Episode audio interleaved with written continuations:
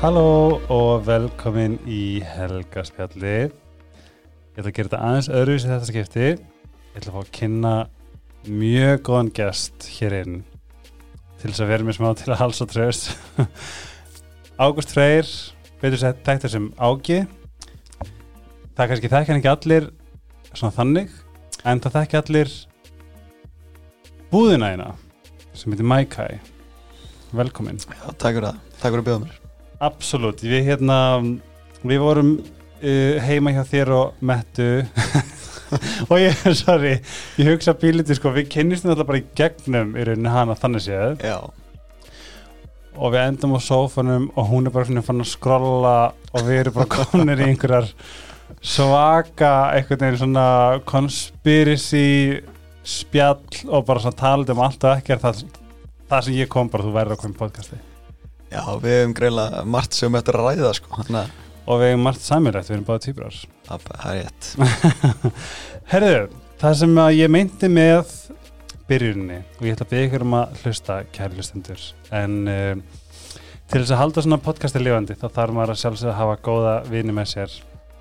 Ég var endur eftir að ræða, ræða við hvort að þáttur sé búið Mæka en, Já, það voru að senda á mettu en við erum sérst komin með um, hér í helgarspjalli góða svona, hvað segir maður, vini sem að ætla að vera með okkur núna í komandi þáttum og ég ætla að fá að fara yfir þetta, sérst auglisendur og ég veit að eitthvað langar að skipa en ekki gera það, því þetta er svo mikilvæg partur af því að halda þessu gangandi og rekandi. Og ég ætla bara að byrja eins og alltaf er sít og kér okkar besti vinnur og ég veit ekki hvort þú hafir ég veit að Metta hefur pröfað um, vörnar en ég kom með handaðir feiskrimið en ástæðan fyrir því að ég kom með feiskrimið er að því ég fæst þetta svona rakbólur undir hérna. Og þetta er búið að reynast mér svo ógsta vel út af títosannu sem að sem sagt, það er undraefnið í þessum vörum. Um, og þetta slær á til dæmis eins og bara svona kláða, exem, ertingu þess að þetta krem er unni algjört undrakrem. Og þetta vann gull verðlaun uh, á hérna uh, hvað hérna? Beauty Awards. Jésús, þetta datum er Icelandic Innovation Award. Já, þess að eru bara það eru búin að raka til sín uh, velun þessar vörur, þess að ég komið þetta hendar ég mælum að prófa. Og með afsláttkóðunum helgaspjallið getið þið fengið afslátt af Sítokær á sítokær.is og þar eru ymsar vörur í bóði og það eru ymsar vörur á leiðinni þess að ég myndi hlaka absolutt til að prófa þetta. Næsti er losti.is ég er mjög spenntur að fá þau til mín. Þau komu inn í dag þess að ég náði ekki alveg að kynna mér í rauninni ég hefði viljað fara þangað á staðinn og skoða af því að ég verð að veikana ég get ekki verið meira svona intrigued af hvað þetta er og hvað er í bóði en ég sé það á síðunniður að losti.is að það er endalöst í bóði trilltipakkin, startpakkin spennupakkin sjálfsástarpakkin, klassíski pakkin pröfupakkin, laumupakkin luxuspakkin með alls konar Vá, ég bara svona, ég veit ekki sem hvað það er mér, ég skammast mér smá, mér langar eiginlega bara að fara hjálpar ekki ég er einhleipur en þá, þá er sjálfsástapakkin kannski bara eitthvað fyrir mig. En þarna er bara allt. Ég get bara svona farið eldsnögt bara þú veist egg, tetra, sleipefnur hreinsætni anal, nuttvendir, grindabotskúlur BDSM, múfur sógtæki, teiparhingir smávara, dildóar, fatnaður kynvitund, bækur og pakkar. Ef að ef þið viljið krytta upp eitthvað í kynlífinu ykkar eða í sjálfsástar uh, aðtöfnum þá er losti.is svarið. Losti.is og þau eru líka til húsa í borgatunni 3 ég hlakka mjög mikið til að halda áfram að skoða og ég hlakka til að fara ángan þessi, hérna, þessi kom inn í dag bara fyrir nokkrum klöktímum þess vegna bara velkomin í helgarspilli losti.is og ég er mjög þakklur að fá þig síðasti er Dr. Teals hefur prófað? Nei, Áttu baðkar? nei Oh.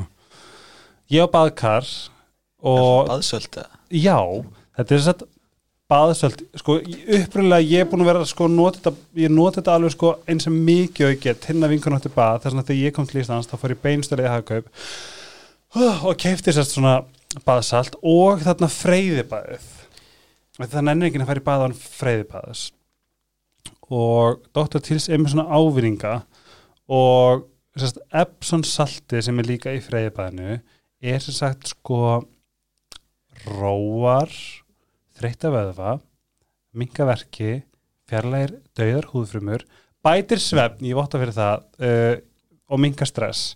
Þess að þetta er sem bara svona náttúrulegt sveflif, ég fer í bað á nóttunni, nei, halló á kvöldin og svo leiðis dörrulla freyðibæðinu og saltinu og það sem ég tók helst eftir, bara svona direkt tók eftir var að ég svaf eins og smákrakki. En eða þú átt baðkar og vantar freyðibað þá er doktor Tíls svarið. Velkomin í uh, helgarspillið doktor Tíls, ég elska ég er samstarfið við þau á Instagram sko. ég er major fan þetta, er, þetta fæst í hagkaup, livju, lifaheilsu og fleiri aftökum og vestlunum út um alland oh, please ekki, ég vona að það ekki skipað þetta því ég er ég pínu spenntur hvað að sko nummer eitt að losta því ég er svona intrigued og ég þekki náttúrulega Dr. Tills fram tilbaka og ég elska minn allt saman má segja mig síð og kér já, ég er búin í byli hvernig hefur það? Ég er mjög góður hvernig ertu búin að hafa það í skjáltanum? Herði, þetta er bara alltaf jafn óþægilegt sko Er það ekki? Jú, maður rekkur ekkert en alltaf við sko Vaknaði nótt? Já, ég vaknaði tvisar í nótt sko Maður ok, bara, hvernig er metta það? metta er náttúrulega stressboltin sem hún er það bara hoppar hún líka við upp á borð sko en, nei, nei maður, maður herkar þetta af sér Mm. Djú, ég er svo að ég bara, við verðum að Við þurfum bara að nota uh, mátt út tölunar sko, þetta er svo, eins og þú veist þá var, voru ég að metta með ælu bestum helgina. Þú ert smá svona Phoebe My sticky shoes. Já, ég- Why you stick on me? Ég var til að alltaf vera svona. En ég sko ég og Metta vorum að ælu bestum helgina og Hver þegar maður ælu? búin að æla svona fimm sinum Já, og það var ekkert að koma já, þá ertu bara öskrón í klósi ég veit það. Þetta er ógeðslegt. Ég, ég fekk mataritrun í Tælandi og þetta vissi ég, því málið, það, það sem þú ert að lýsa er raunnið að versta við ælupest það er þegar þú ert bara í öskra en þess að það sem ég gerði var að drekka bara vatn, vatn, vatn, vatn. Bara til þess að hafa eitthvað æla já, ég klikkaði á því hérna í restina sko, ég var alveg bara svo heyri svo hátt í manni sko, maður er bara en ég mæli ekki þá að skrifa herri við erum ælupest, ég var svona það fyrst sem ég hugsa var bara hver fær ælupest? Maður þetta ekki maður var alltaf með ælupest í grunnskóla. Já, þú er með batn á leikskóla færðu bara, sko, Já. bara koktel af flensum í tíðin sko. Já, en, en þú ert rask vona ég í dag? Já, ég er mjög ferskur, ég var að koma bara úr vinnunni þannig að ég mm -hmm, Ég hérna, það sem ég ætla að spyrja þig var Ó, nú kikkar þetta í hátíðin. Allavega? Já, var þetta skjáltan já, Það sem ég ætla að segja var um, Við rættum þetta saman Finnst þið ekki, sko, ég fundið Jarðskjálta á Bali 2018 mm. og það var faktisk fyrst jarðskjálti sem ég fundið. Traumatizing by the way. Svo kom hann það í september eitt skilur, eða komið tveir og við vorum Já. bara heimurinn er að farast. Það kom jarðskjálti núna erum við með hvað? Tíu þúsund síðan að miðvikudaginn eða eitthvað. Það, er, það er eitthvað að fara að gerast sko. er með ég heyrði það einmitt um daginn sko, þegar þetta byrjaði. Já, fólk sagði alltaf í gamla dag sko, þegar það var, var svona gott veður á þessum árstíma. Já, þá sagði fólk alltaf, já nú fyrir að gjósa. Það þannig að Má ég segja hvað ég er að býða eftir? Ég að vona ekki slökka á þessu podcast að ég sé vangjan en hérna ég er að býða eftir nýja ryktar ég fæ bara svona hvernig getur að verið að vera með einhverja þúsundir af jarðskjaldum og alveg þú veist aftur, aftur, aftur, aftur ég er búin að koma í jarðskjaldir samt live. Það getur verið gott það er já, good content. En ég er í hvers skipti sem hann byrjar og ég er með hund, þessan hundur minn með mér inn í dag hann er ekkert sem aðdölur en hann, bara, hann, hann er svona aðskilna kvíða af því að hann er svo hrættu við þetta. Já. og ég fæ bara svona af hverju ætti ekki að koma einn fokkin stór? En spáðu sem því, okkur hefur aldrei eða það hefur örugglega ekki mann gerst en ég man ekki eftir að koma flóðbylgi á Íslandi. Nei, það var sagt um mig, ég nefnilega sko, ég nefndi þetta, það var bara, neini, það er ekki fara að gerast. Alls ekki og ég bara, nú, Það var af hverju ekki? Nei, ég sammála, það er það sem ég hugsaði líka, því ég er, þegar ég er í Tælandi, það fyrsta sem ég, fyrsta sem ég sk- sko hugsa, að því ég er alltaf við, er alltaf við hérna ströndina, er hvaða tré er ég að fara hoppa upp í þegar, ef það kemur tsunami. Já. svo hrættu þetta, ég mun að horfa á YouTube hérna, tsunami í allar þessar hérna, documentaries og vídeo og, og Impossible myndina, ég að horfa hana aftur, aftur, aftur. Er- mitt á hann í flugi á leðinni til Thailands, það var, Það var var æði. En þetta er nefnilega, þú veist, þú ert svo máttvana ef þú lendir í þessu. Í- það er svo gaman að skuli segja þetta þegar ég, mér finnst þetta vera svo auðmyggjandi, bara we are not shit. Skilur, móðu náttúran þú veist, upp á bara að bera viringu fyrir henni bera viringu fyrir henni því sem er okkur aðra og það er bara náttúran Já, ef hún vil 100%. þurrka okkur út ekki málið þú veist, bing bam búm bara við erum farin Já, þú veist, þetta er bara já, bara eitt jarðskjálti elgos Mhm. flóðbylgja, þú veist, getur ekki gert neitt sko. Nei. Vá, ég, þetta er, þetta er upplif, upplifgandi byrjun á þetta er- podcasti við erum öll að fara að deyja mjög svart sín en við erum með nóg af grund to cover ég veit ekki hvernig ég segi það á íslensku við erum með mikið af er við lélega íslensk uh, það sem ég reyndar spenntur að vita því að ég, þú hefur hlust á Helgisvallið Mm. mjög ánægð með það, ég var mjög mántindi á sæðra já, ég er búin að hlusta á nokkra þetta já. Ég, og þá veistu hvað við þurfum að fara út í. Við þurfum að fara út í frá byrjun. Og mér veist yfirleitt langskemmtilegast að giska hvaða karakter þú ert í Mean Girls. Hefur séð hana? Ég sé hana, held ég. Já, ég er búin að sé hana. En það er ekkert sem ekki að gaurum hann en segðu mér samt svona, svona bara bakgrunnin, ertu Reykjavík? Hvernig krakki varstu í skóla og give me the dirt? Sko, ég er árbæðingur árbæðarvillingur varstu úr hérna bæjónum Nei, ég er úr selásnum mm -hmm. og kemur svona frekar stórum Mhm.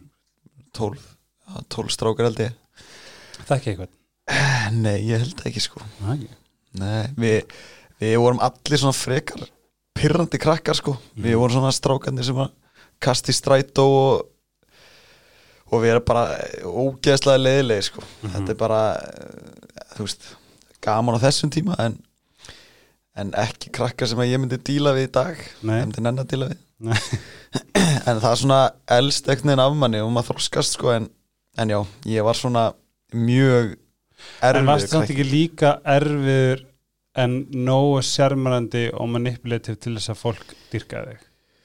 Í sem týpuri sko ég var, þetta var orðið þannig að sko kennarannir þóldu mikið já, en ég held ég að það sérmennandi að mamma fyrirgaf mér alltaf frekar Ah. fljótt sko. Það var það sem skipti máli sko ég er nefnilega náð að gera náð að vera svona ég, ég veit ekki hvað sé týpurdæmi en ég náð að vera nógu sérmærandi til þess að kofvera hvað ég var erfiður.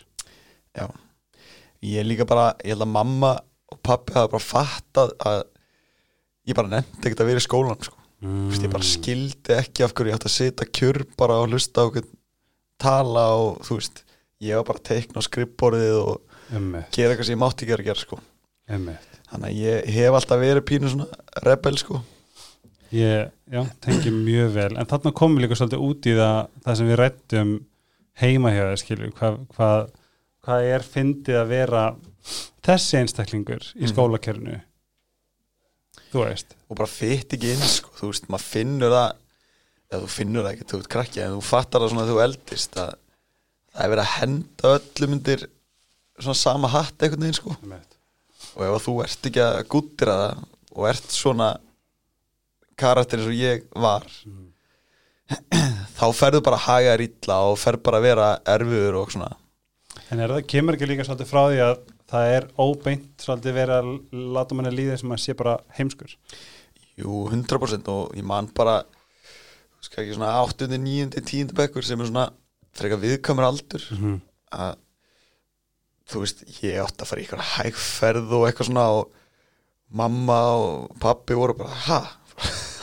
Fara segja þannig hægferð, þú veist ekki það að sumir þurfa því að halda en ég var, þú veist, það er ákveðin hlutir sem að ég er mjög góður í. Mhm, og það kannski sýnir sig að það sem að ég hef áhuga á þá verði frekar flinkur í því, sko. Mhm, þannig að þetta þetta, þetta, þetta dæmi gekk ekki alveg upp. Mhm. en eins og, eins og segir, þú veist, þegar maður er að ef maður, fí- þú veist, fíla sig ekki í ykkur og það er samt verið að segja bara, herðu, þú átt að gera þetta Mhm. gera þetta, Mhm. þá verður maður bara svona, nei, ég Algjörlega að það Ég meina bara, þú veist, eins og, eins og bara náttúrufræði fyrir mig, þannig þegar þetta töfluborð kom og svona Jesús, bara, skilur þetta var bara svona að ég veit ekki og það er svo fyndi ég, ég ángriðs hugsa þetta bara um daginn og, ég, og við erum að fara út í þetta fljótlega bara í þessi podcast en bara þú veist ég á fyrirtæki í dag mm, skilur og það var ekkert sem að í rauninni ég þurfti ekki að taka með minnina gráðu til þess að sína fyrirtækjaskrá landsins nei, hvað ég væri að fara að gera. Eða þú veist, veist hvað við? Þetta er svo fyndið þú segir þetta að því að sko ég kláraði stúdentin í fyrra sko. Mm -hmm. ég kláraði stúdentin í mæ og opnaði fyrsta, fyrsta veitingastæði minn já, 14. júli skilur þú veist ég er að fara algjörlega öfuga leið mm -hmm. svo var ég að hlæja en dag líka og segja mettu að mamma var alltaf að segja mig sko þegar ég var lítill Mhm. ef ég var, myndi ekki læra og myndi enda á kassa í bónus með fullri verðingu fyrir fólki sem stunda þannig störf Mhm. en ég segi bara jokes on mömmu sko það er alltaf orðið sjálfsafgjörslu kassar En við ætlum að fara ég, við meðum ekki fara fram úr okkur af því ég er mjög spenntur að heyra henni það sem var svo gaman að hlusta þig það var ferðarlægið frá, og líka bara hvað þetta var absúrt að þú opnaðir Mækæ í COVID. Já, en ef við förum aðeins út í þú varst í jú. Og það var það sem að þú varst rauninni bara að gera Já, ég var bara í mörg ár bara fókbalta maður, punktur þú veist, það var ekkert annað sem að koma að sko. Og svo fórstu út. Já, ég sérst ákvað að láta veitu hvaða mótur er þið? 94 Mm. ég sérst ákvað að láta gamlan draum verða veruleika og fara til bandaríkjana Mhm. á svona fókbaltastyrk og ég fór algjörlega eða svona algjörlega bakdýra leið út. Ég var ekki náttúrulega búið með stúdendin en það er vist þannig að þú gert með eða þú ert búið með x margar einingar hérna heima Mhm. þá samsvara það sérst high school úti. Já, þannig að var eitthvað gluggi hana fyrir mig. En það einhvern veginn samt klikkaði einhvern veginn úti. Ég var að taka einhverja vittlesa áfenga hérna heima og hann fór út og þar alveg mátti ég ekki spila úti. Þannig að ég var basically bara fastur út í Billings, Montana ég, staður sem ég myndi ekki mæla með fyrir sumafrí hvað er kann ég að kem? Er það í Montana? Nei, Wyoming það er kannski svipa samt. þetta er svona kúrika indjána svæði sko. Ok. og ég var bara þegar ég mætti skólan þá var ég bara asnalur að vera þröngu gallabuxum sko. þá var allir bara í víðum gallabuxum og kúrika stífilum og Já, Og- það var svoleiðis já, svo var þetta svona e, það var líka svona pínu svona hermannaskóli það voru úslamargir krakkar sem voru í herskóla með mér Já. Sem Var að- það líka svona Jesus loves you Jésús, þetta er svo heila þegar ég lið sko Já. bara, já, allana en já, ég fer út til Billings Montana Mhm.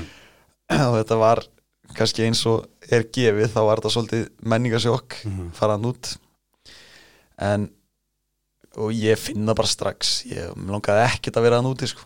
og maður var svona hálf grenjandi einhvern veginn á feist annarkvæð dag við mettu sko Já, það, og það einmitt beigðin ekki bara kona á Íslandi heldur ólétt kona já, það er svona, ég var sko, ferlið að fara út til bandaríkjana Mhm. það er einsárs bara Dæmi. mission sko Mhm. þú veist, bara pappisvinnan og dæmi sem þú ert að leggja á því þetta er bara, þetta er rosalegt sko. Þannig að þetta var, ferli var gengið mjög langt áður en að við komum staðið að við sem að fara eignast bad þannig að ég ákvað samt að kýla á þetta Mhm. af því að veist, ég nenni ekki að vera eitthvað svona horfa tilbaka og bara, ó, ég vildi að þú veist, ég ákvað bara að gera þetta og sjá bara hvað myndi gerast, skilur if you don't know you, uh, if you don't try you don't know. Nákvæmlega.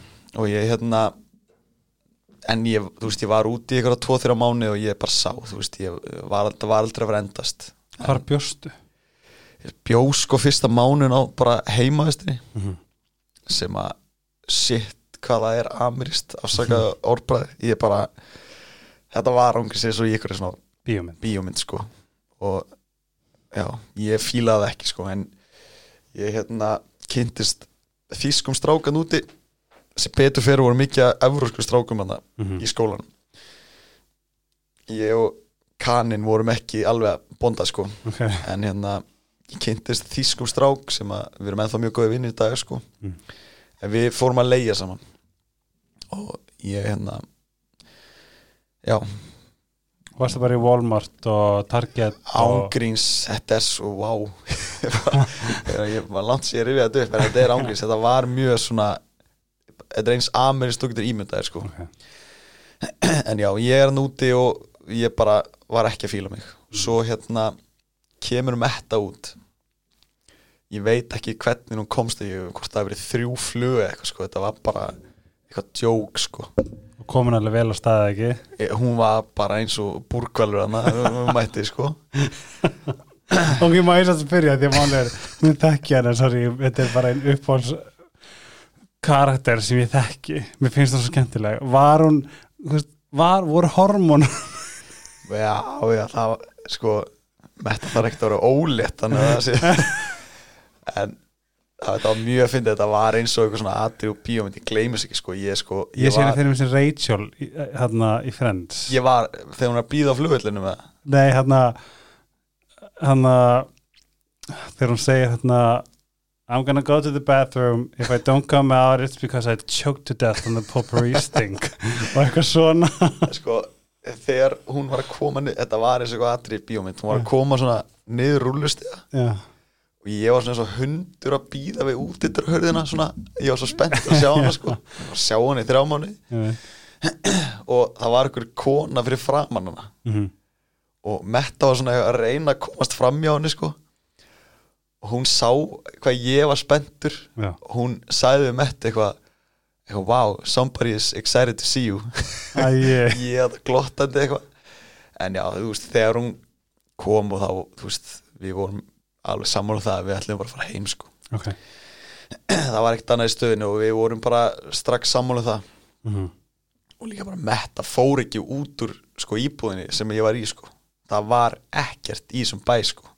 Hvað heitir það segir Billings Montana sko, googlaði þetta og þú bara Billings Montana ég held samt að John Mayer sé eða hvort það var Boseman í Montana já, allan að þetta er ég alveg 300.000 manna is a city in southern Montana? Hvað búa margir hann Hannah Montana hlýtur að vera þarna já, þetta er bara eitthvað svona. Uh, látum okkur sjá. Hotel is, is Billings Montana a good place to live? It's a great place to live samkvæmt Google. Jú, því. Population 109.577 sem er svo sem bara smá bara já, þessum skala sko. Þetta er búið 300 okkar miljóni í bandaríkjum sko. Þetta er bara, það í Orhús býr jafn margir á Íslandi sko, já, nákvæmlega. Styrum þar en segjum við frá þannig? hvernig það ferli hún kemur bara og já, hún, bara, hún bókstæla næri mig sko Já. hún flýgur bara í ykkur aðra heimsálfu til að ná mig sko Mhm. og ég var líka bara pínu tregur að viðkenna ég vildi ekkit vera annað skilur Mm. þú veist, maður er bara að leggja þetta mikið á sig að komast út og þá er svo erfitt þegar þú ert svona þrjóskur að vera bara já ok, fyrir bara heim Mhm. þannig að ég þurfti svona áttum á því að þú veist, þetta gerist alveg þú veist, fólk fer út í nám eða eitthvað skilur og gengur ekki upp. En nú verð ég að spyrja, þú veist, núna svona við förum að þess að dýpur level, skilju, hvað svona þú veist fattaður að þetta væri bara svona pínu hint? Mm. Þú veist, var, varstu eitthvað svona þú veist, var þetta bara meira eitthvað svona uh, eða var eitthvað bara svona æðra sem varstu meira bara svona ok, þetta er bara svona, þetta er bara mitt cue að hún hefði náð í mig eða? já, eða svona hvernig svona þróaðist þessi kapli sko ég held að uh, förum aðeins dýbra mm hérna ég var öruglega bara að leita ykkur skilju -hmm. með því að fara út Mm vildi bara breytum umhverfi mm. Mhm. að, vera bara í fótbolta síðan ég var sex ára og ekki Mhm. gert neitt annað skilju og, og þú ert einhvern veginn bara veist lenda allir einhvern veginn á þeim tímupunkti einhvern veginn, þú vilt bara breyta til -hmm. þú fær bara svona ógeð á allir Mhm. og ég var einhvern veginn á þeim stað þú veist ég bara ok, ég fef bara til bandaríkja ég, ég ætla bara að flýja Já. en hérna nei, ég held ángist að það hafi verið eitthvað þannig og ég bara fann það bara að það sem ég var að leita var ekki það, Mhm. skilur og fattaði bara að ég átti bara að vera hérna heim og byrja lífið bara með mettu sko Mhm. og ánst er að hugsa eitthvað lengri en það þú veist, það var bara mér, eh, það, veist, það var rétta tilfinningin og þau, núna, núna er svolítið svona nú gef ég þig keflið bara, þú kemur heim mm. og segð, segð okkur svo frá Sko ég kem heim Við lendum á klaganum Og Ég skuldaði öruglega Vel um miljón eftir þetta ævintýri mm. Átti ekki krónu Og Já, við var aðurlaus náttúrulega. Og hvernig leiðir? ég bara I felt like a piece of shit Það var bara þannig sko Já. Og við erum bara heima og þetta er auðvitað í miðan oktober þegar við komum heim Metta er sett í desember Þú hvernig var að lenda? miðan oktober Oh. þannig að það er bara stutt í þetta og ég sem betur fer fæ vinnu og fæ vinnu á lagartum í málingu þú veit alveg Er það það sem sér? Nei, Já, það er rétt hjá sér efni sko er það þarna svona kurvu já, já.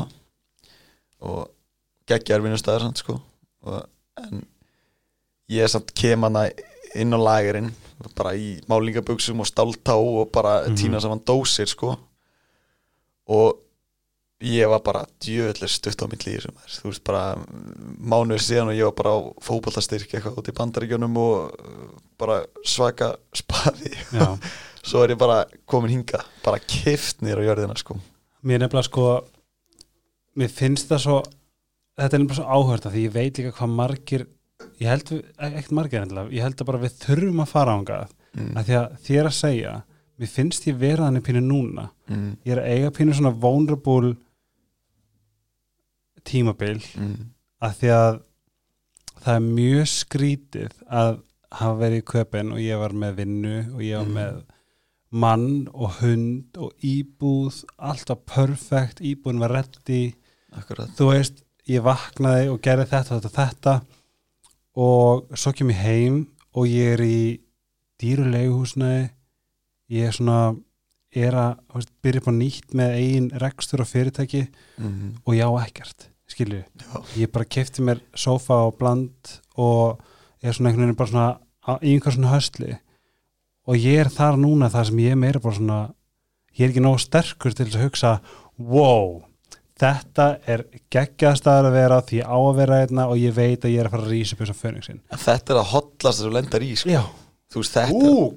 þetta er ángurins að vera bara á kiftinir á jörðina Já, að þurfa að vinna því upp. Mhm, Þetta er besta sem þú munt lenda í sko. þetta, þú veist, Ég vildi óska þessi bara eins og fyrir Vákvæði þannig powerful að skulle segja þetta. Já, ég var ekki nú að segja þetta. Ég, samt, ég vona Mhm, bara eins og þú veist, Viktor svo hann sonu minn. Mhm, þú veist, ég vona svo innilega að hann þú veist, ég ætla að vona honum gangi illa en ég vona að hann lendi í svona aðstæðin einmitt. og fái svona mótlæti að því að það er svo holdt fyrir því að upplifa mótlæti. Mhm, að því að þú verður svona, þú, það verður eitthvað svona skrápur utan að þér skilur setna Mhm. meir. Svo, eins og í dag ég er bara veist, það er mjög fáir hlutir sem að koma mér úr jafnvægi. Mhm, og metta er alltaf bara eins og sko, hún sko, stressur öllu. Já, en en ég ekki að segja að hún hafi aldrei lent í neinu en þú veist ég bara meina það er svo gott að hafa líka svona jafnbæði, þú veist Mhm. ég er svona alveg bara eins og ég sé steitna innanstundum Mhm. og hún er alveg svona þvílík tilfinning að vera. Þetta er bara svona yin og yang. Akkurat, það er ástæð þú veist, við erum svo ólík bara á marga vegur sko, Mhm. það er bara það er það sem gengur upp og líka nú það sem ég upplifa ekki mínu sambandi það er líka bara greinlega sérstaklega bara þessum nú hef ég og hún tala mikið saman og svona. Og ég finn þetta líka með þess að sambandinu mínu við sem að á fyrirtæki með mér og umbásmannu Mm. minn Vist, hún er mitt bara grjótörð já, og hún er bara besta sem ég veit um. Það er svona þú veist unnum leið að við látum það yin og yang virka mm, það er snild. Ég var yin og yang í Danmarku nema ég mátti ekki vera yin mm. það var ætlist þess að ég væri yang eins og hinn. Skilu, það er svo fárlega pæling myndur þú nenn að búa sjálfur? Nei, nákvæmlega. Þetta það er svo magnað þegar málið er, þú veist, yin, þú veist, þetta yin og yang, þú veist, báðu hvað þetta er powerful dæmi. Mm. að því ef það er unni rétt með þetta getur þetta líka klikka nei, ég meina þú veist, af hverju heldur að bara gin og tónik sé gott saman já, nákvæmlega. Þannig að alltaf Það þegar var- ég er svo hás og tala um gin og tónik við vorum að tala um já, ég var komin að ná lærin í málingu. Já, emmitt, þú veist, komin að að því að þú veist, til að vera alveg svona ef ég á að vera pinna svona rude, þá náttúrulega fóstu í rauninni bara leðlist stöðuna sem það getur farið ég sko, ég var að kvarta og kveina Já. alla, sko, metta skuttlaði mér á mótnana sko. Já. ég bara, ég hugsaði bara nú er botninum náð sko og ég man það bara, þú veist, ég var hann eitthvað inn á lagartum eitthvað að týna saman dósir og ég hugsaði bara ok, nú ertu bara að fara að rífa þig í gang sko, Mhm. getur ekki þú veist, ég var bara, þú veist, ég var ekki í skóla ég var ekki búin með stúdent. Mm þú veist, ég var ekki að fara að gera neitt sko. Hvernig í rauninni hvernig þú veist leiðir hvernig varstu tilfinningulega þú veist, andlega? Ég var mjög þungur sko. Já. ég var bara já, mér leiði ekki vel og þú veist, þetta er ekkert gott fyrir sjálfströsti skilur Mhm. og að, fannstu fyrir egoinu já, alveg. Mjög mikið sko. Mm -hmm. að því að ég eh, þú veist, að vera, þú veist, fótballtamaður í Íslandi og vera svona ákveðin karakter, Mm þú ert svona pínu gúmitöfari sko. -hmm. og þú heldur að það sé að tekja ykkur bóks sko, en það er það ekki sko. Svo þegar bara lífið sjálft bara hits you in the face. Mm -hmm. þá er bara eins gott að þú sért með eitthvað til að bakka þau upp sko. Og það var svolítið það sem að gerðist sko, ég var bara já, ég, veist, ég var að kvarta um þetta á hvernig degi, bara leinuna bara ég þólit ekki sko. Bara, þetta er ekki fyrir mig. Og mér fannst þetta bara fyrir neðan mína virðingu skilur mm -hmm. sem var fárileg pæling, bara að vinna eins og hvaðana sko, mm en mér fannst bara að væri meira í mig spunnið, skilur já, það er ég ætla að fara að segja það, that's what it's about skilur það er svo leðilegt að, að, að líða þannig mm -hmm. og vera ekki að fulfilla það. When you're not fulfilling your higher purpose. Akkurat. En ég var fljótlega þess ég held að það er að sé það hann að kallandir fyrir málingu að ég væri svona meiri people's person þannig að þeir settu mig fram í, í búðina ég var að selja sko. Og það er svolítið fann ég mig sko. Mm -hmm. sölumennska er bara fyrir mig sko. Stýpuri já, ég er, ég er ekki að meina þannig að ég sé eitthvað svona bílasölumæður sko, ég er meira svona bara gaman að tala um fólk og vera í samskiptum sko. Mm.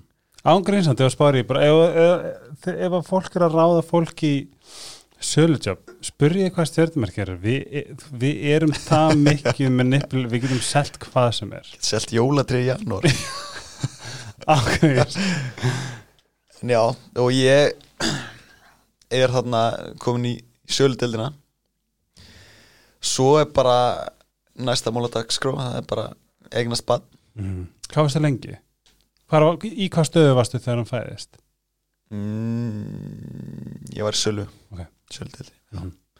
Ég var bara búin að vera í nokkra vikur heldur sko. Mm. Já, og við förum upp á fæðingdeild Þetta var löng og erfið fæðing sko.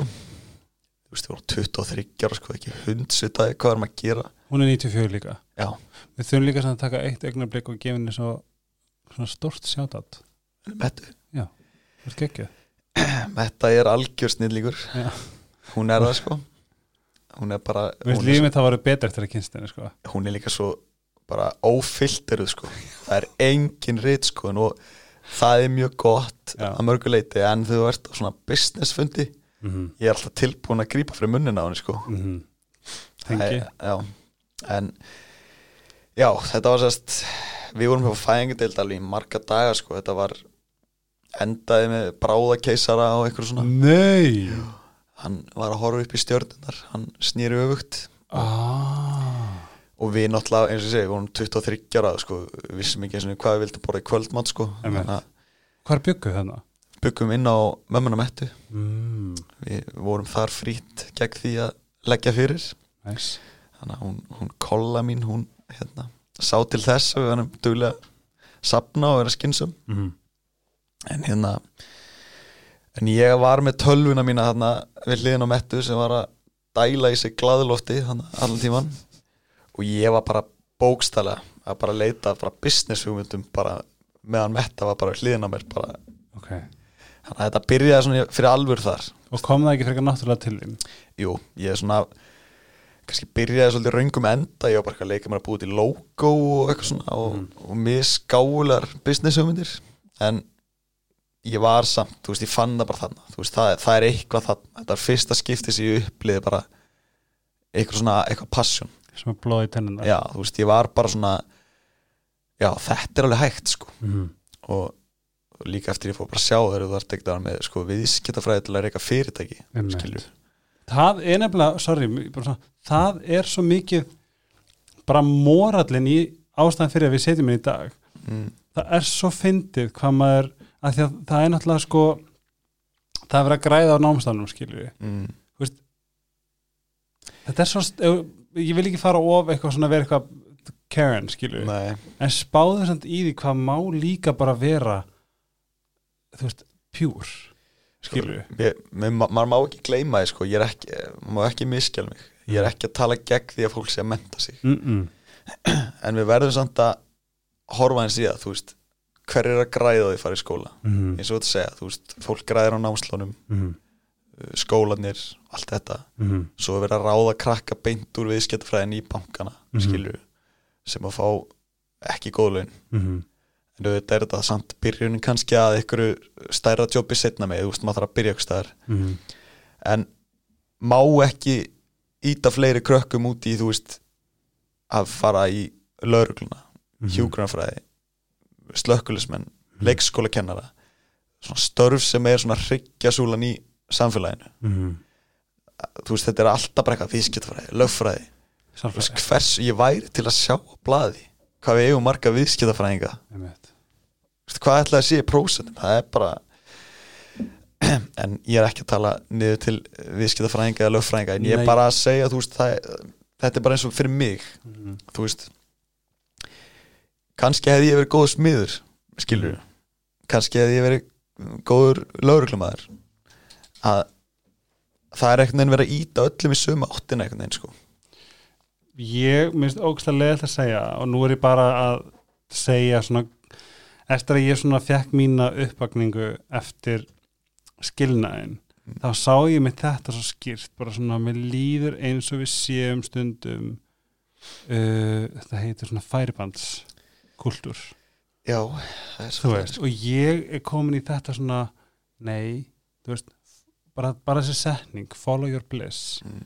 þú veist þarna segir þú veist, þú, þú, ert komin, þú ert bara að leita business hugmyndum og það er eins og kveiknar í þér, skilju mm. þess að þú veist ég reynir stundum svona að segja sko ég trúi svo ógæðslega stert að við komum á jörðina með eitthvað tilgang Mm.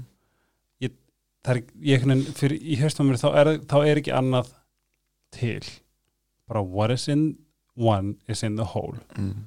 Vist, við, við, erum, erum sáðfruma af miljónum í einni Vist, það hlýtur að vera eitthvað tilgangum með þessu og tilgangurinn getur verið hvað sem er mm. en um leið og finnur eldin eins og þarna, þannig kom Mm. bara eitthvað svona neist í þig Mm. skilju, follow your bliss veist, ég fæ bara eitthvað svona mér finnst þetta að vera eitthvað svo spennandi að því að ef þú spáir í því við, fyrir áður en að allt var komið þá náttúrulega þrifumst við bara á orkun okkar. Mm við erum bara orka. -hmm. er svona hvað var það sem að þú veist, kveikt á þessu orku? Veist, við erum ennþá með hana en við erum bara með allt öðruvísi lifnarhátt já, skilur við, en við erum bara þetta. Þetta er það sem við erum, við erum með áru, ljós veist, þetta er það sem við erum. Svo er þetta líka bara eins og tala um orku. Mhm. að það sem þú beinir orkunni þinn að Mhm. Þú ert alltaf að fara í þá átt Mhm. og útkoman verður alltaf eftir því skilur Mhm. þú veist, ég er kannski ekki besta típan ef að segja eitthvað svona law of attraction eitthvað svona, Mhm. en það er samt þannig er þannig ef þú ert að þú veist bara einbetar að eitthvað, Mhm. alltaf að vinna að því, Mhm. þá bara vaknar í daginn og er bara wow Já. þetta er bara komið, já, skilur og maður fær alveg svona imposter syndrom oft sko, ég er stundum bara hvernig er ég komin í þessa stöðu? Mhm. og ég lend oft í einhvern svona aðstæðum því ég kannski á okkur fundum og með einhvern köllum sem að eru bara að horfa mig og bara hvað krakka skýtur þetta? Og ég bara en ég þarf satt að vera duglega að minna á það þú veist, ég vann mér inn fyrir þessu sko.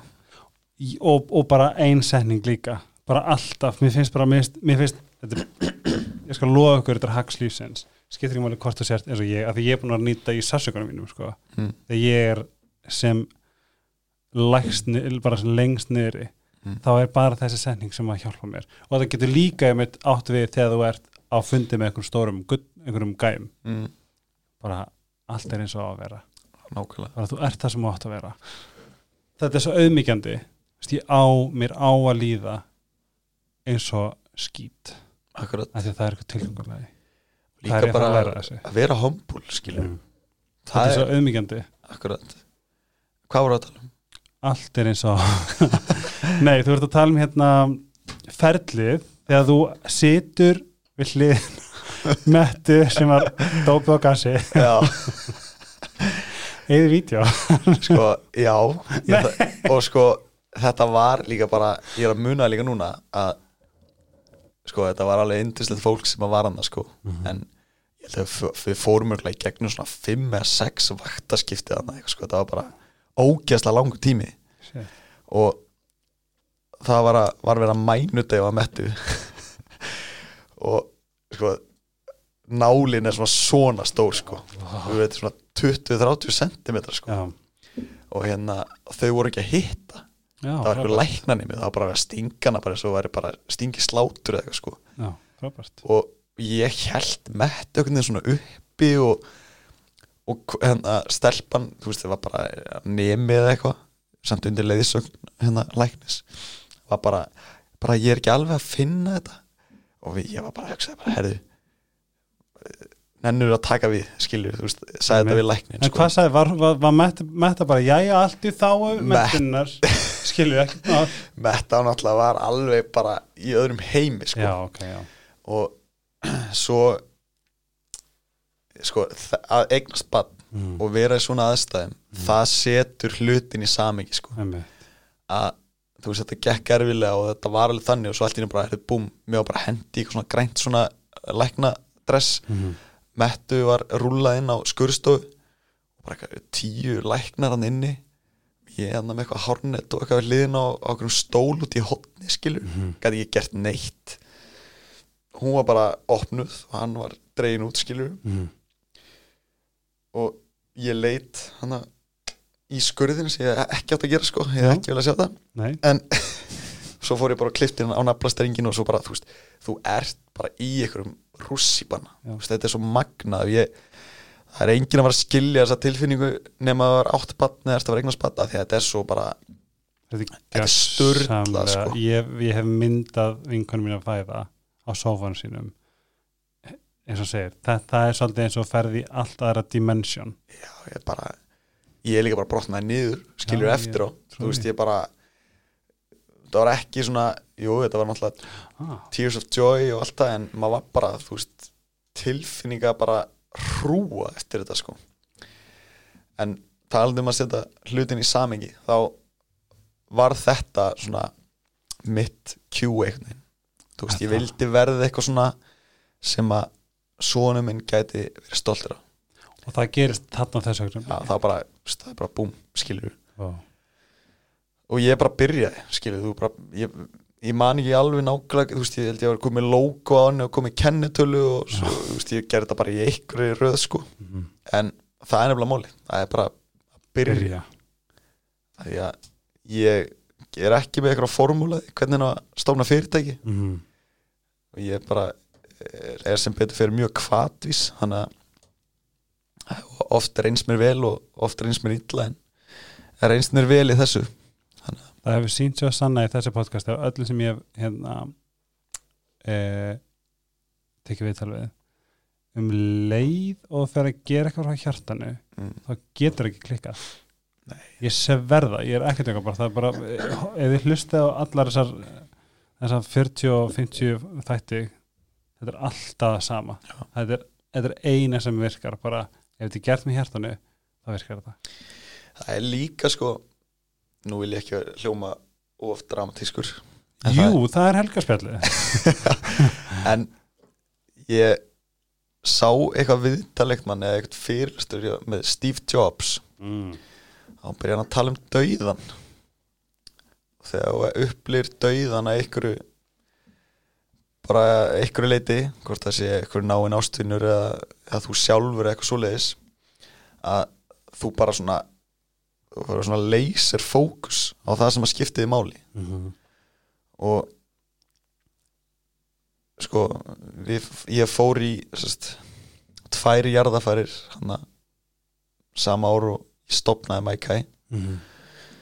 og sest, uh, bróðir mömmu lest skyndilega og frænkana mettu dó líka eftir langa baratu við, krabbavinn og vera í jarðaför og bara hugsa bara um lífið skilur þú verður bara svona af hverju á ég ekki bara eigð tímanum mínum í það sem að mér langar til að gera?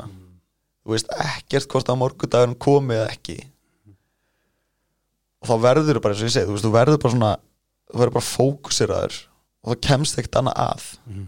hættir að pæli því að þurfa að klára stúdentin og hættir að spáði því er, á, á ég að komin í viðskiptafræði þú veist það er, þú blokkar eitthvað svona óþarfa úr einhverjum áttum frá einhverju fólki og sem að hefur ekkert um þetta að segja af öllum, öllum einhverjum bara podcastum og svona sem ég hef heyrt, þá er nákvæmlega þetta það er ekki bara death is your greatest teacher akkurat það er jafn mikill partur á lífun og, og fæðast skilur mm -hmm. það er eitt sem er víst í þessu lífi sko. það er bara við fæðast og við degjum sko. Og segjum svo, hva, hvernig þróast Maikai?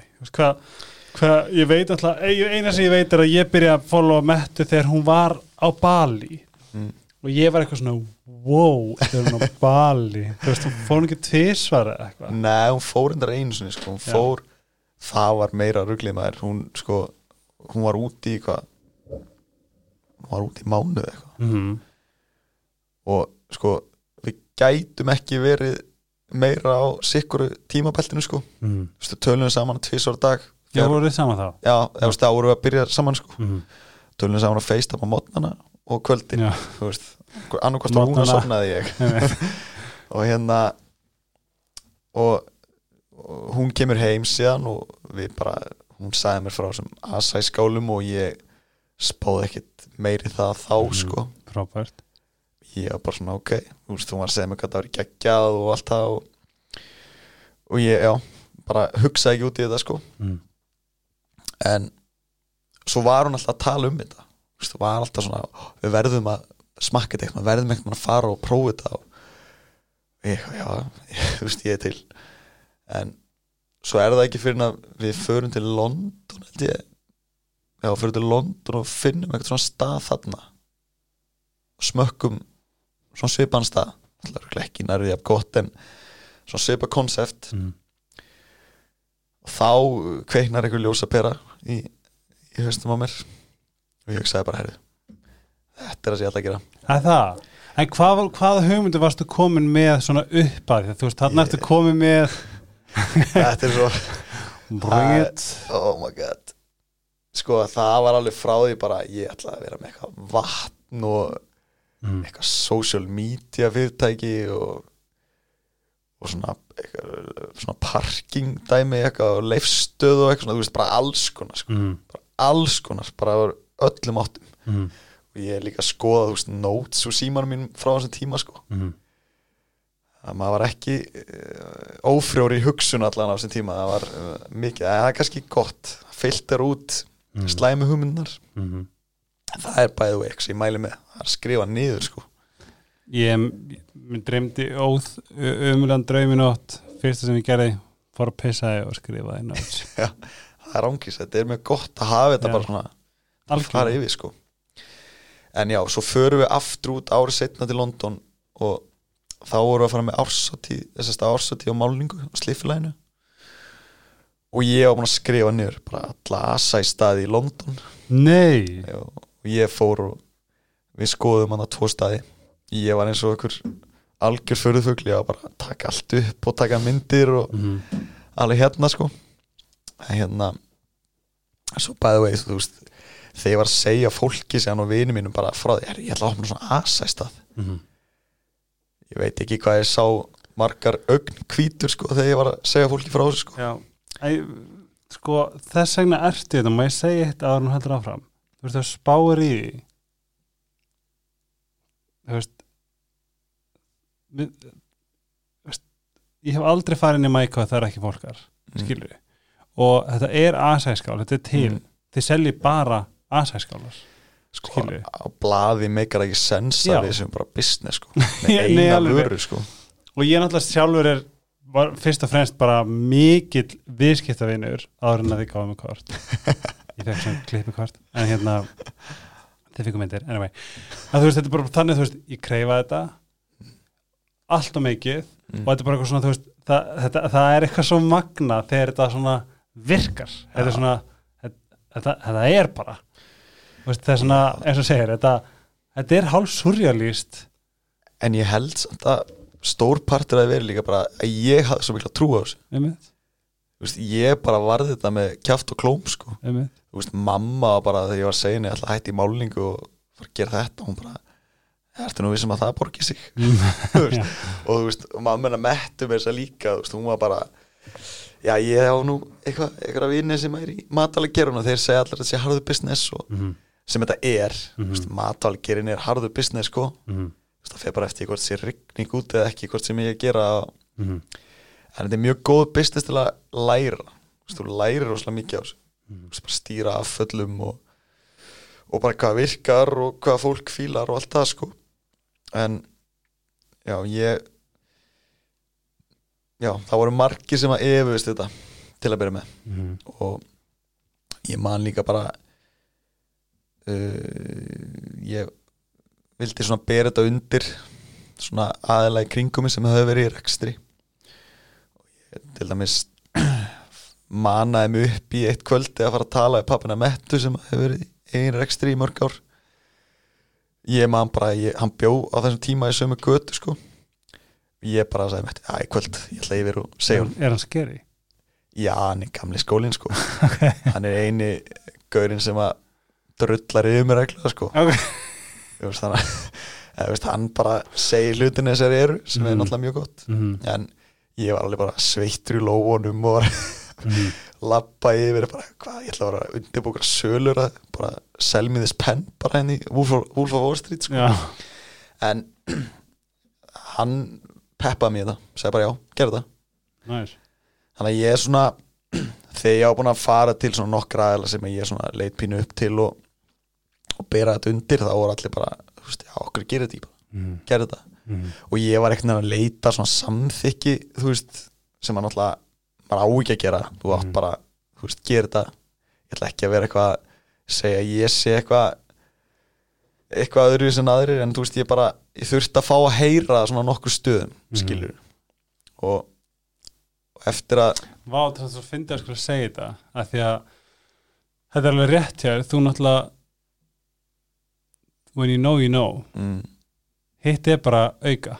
Akkurat. Rauninni og, og, svona, og þannig séð að því að málið bara, þetta, þetta er svo mikið þetta er svo mikið stór partur að læra að þekka sjálfa sig mm, og kynna sér sem er bæði og það magnast sem hún gerir ever, þess að Mhm. við getum tekið auka þátt um það setna en en að því að hitt er unni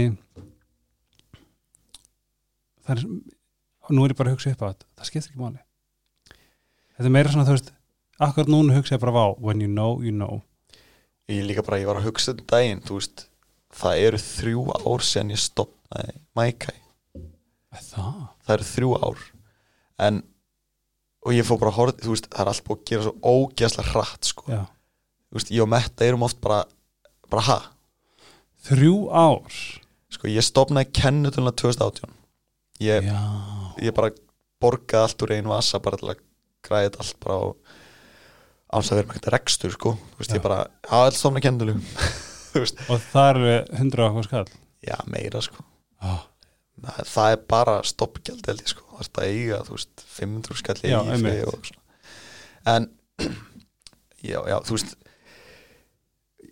þess að þú eru leggur það út á þess að vera með neitt í handa bara ekki neitt sko. Og bara kaupi lók og bara 80 skall og þú veist, ég bara eitthvað var bara að eyða pening og það var engin innkoma. Mm. þú veist, og ég var alveg bara, wow ég var alveg þarna til að byrja með sko. Mm. en ég var alls ekki að hoppa í djúbulögina sko, ég er svona dýfiði mér honi Mm.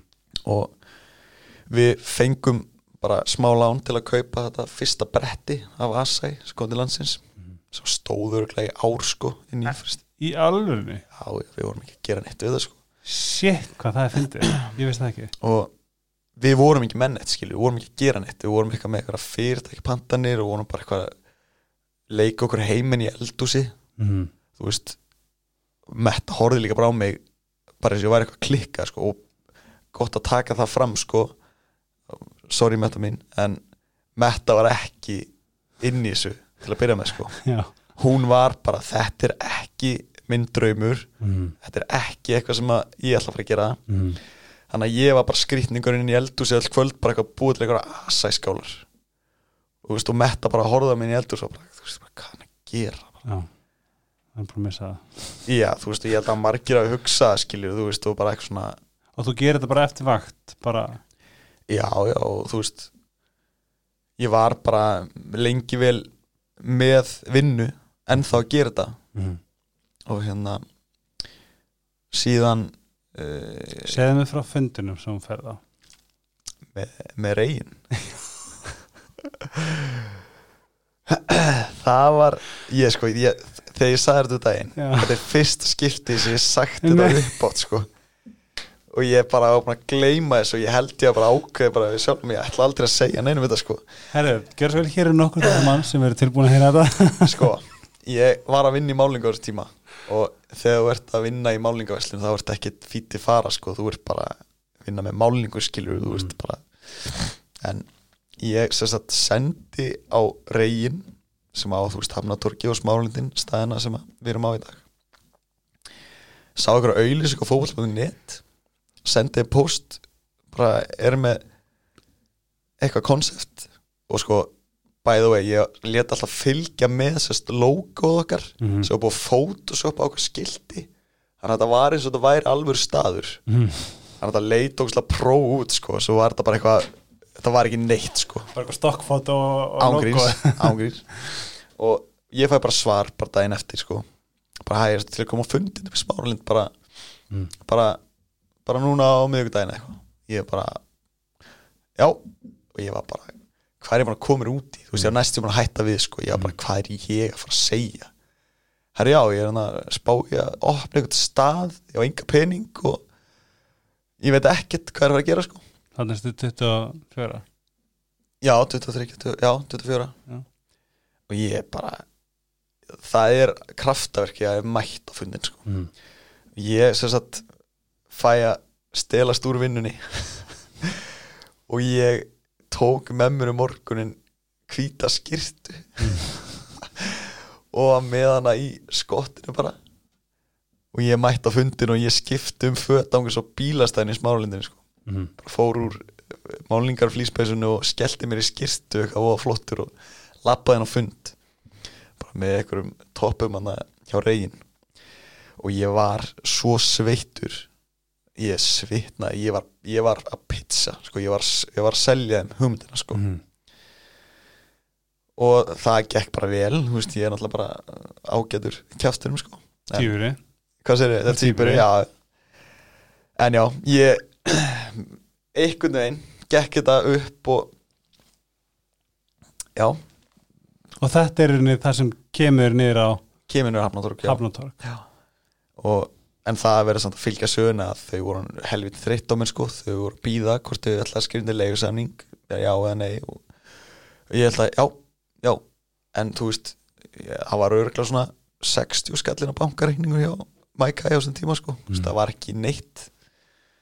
Og eftir þess að ég fór að kynna mér þú veist, gera eitthvað kostnar á allun að, þá sá ég það að þetta kostaði eitthvað miljónir að gera þetta sko. Og sá peningu var ekki til og ég og Metta ákveðum að fara í, fara í bankan það var bara hleyið okkur sko.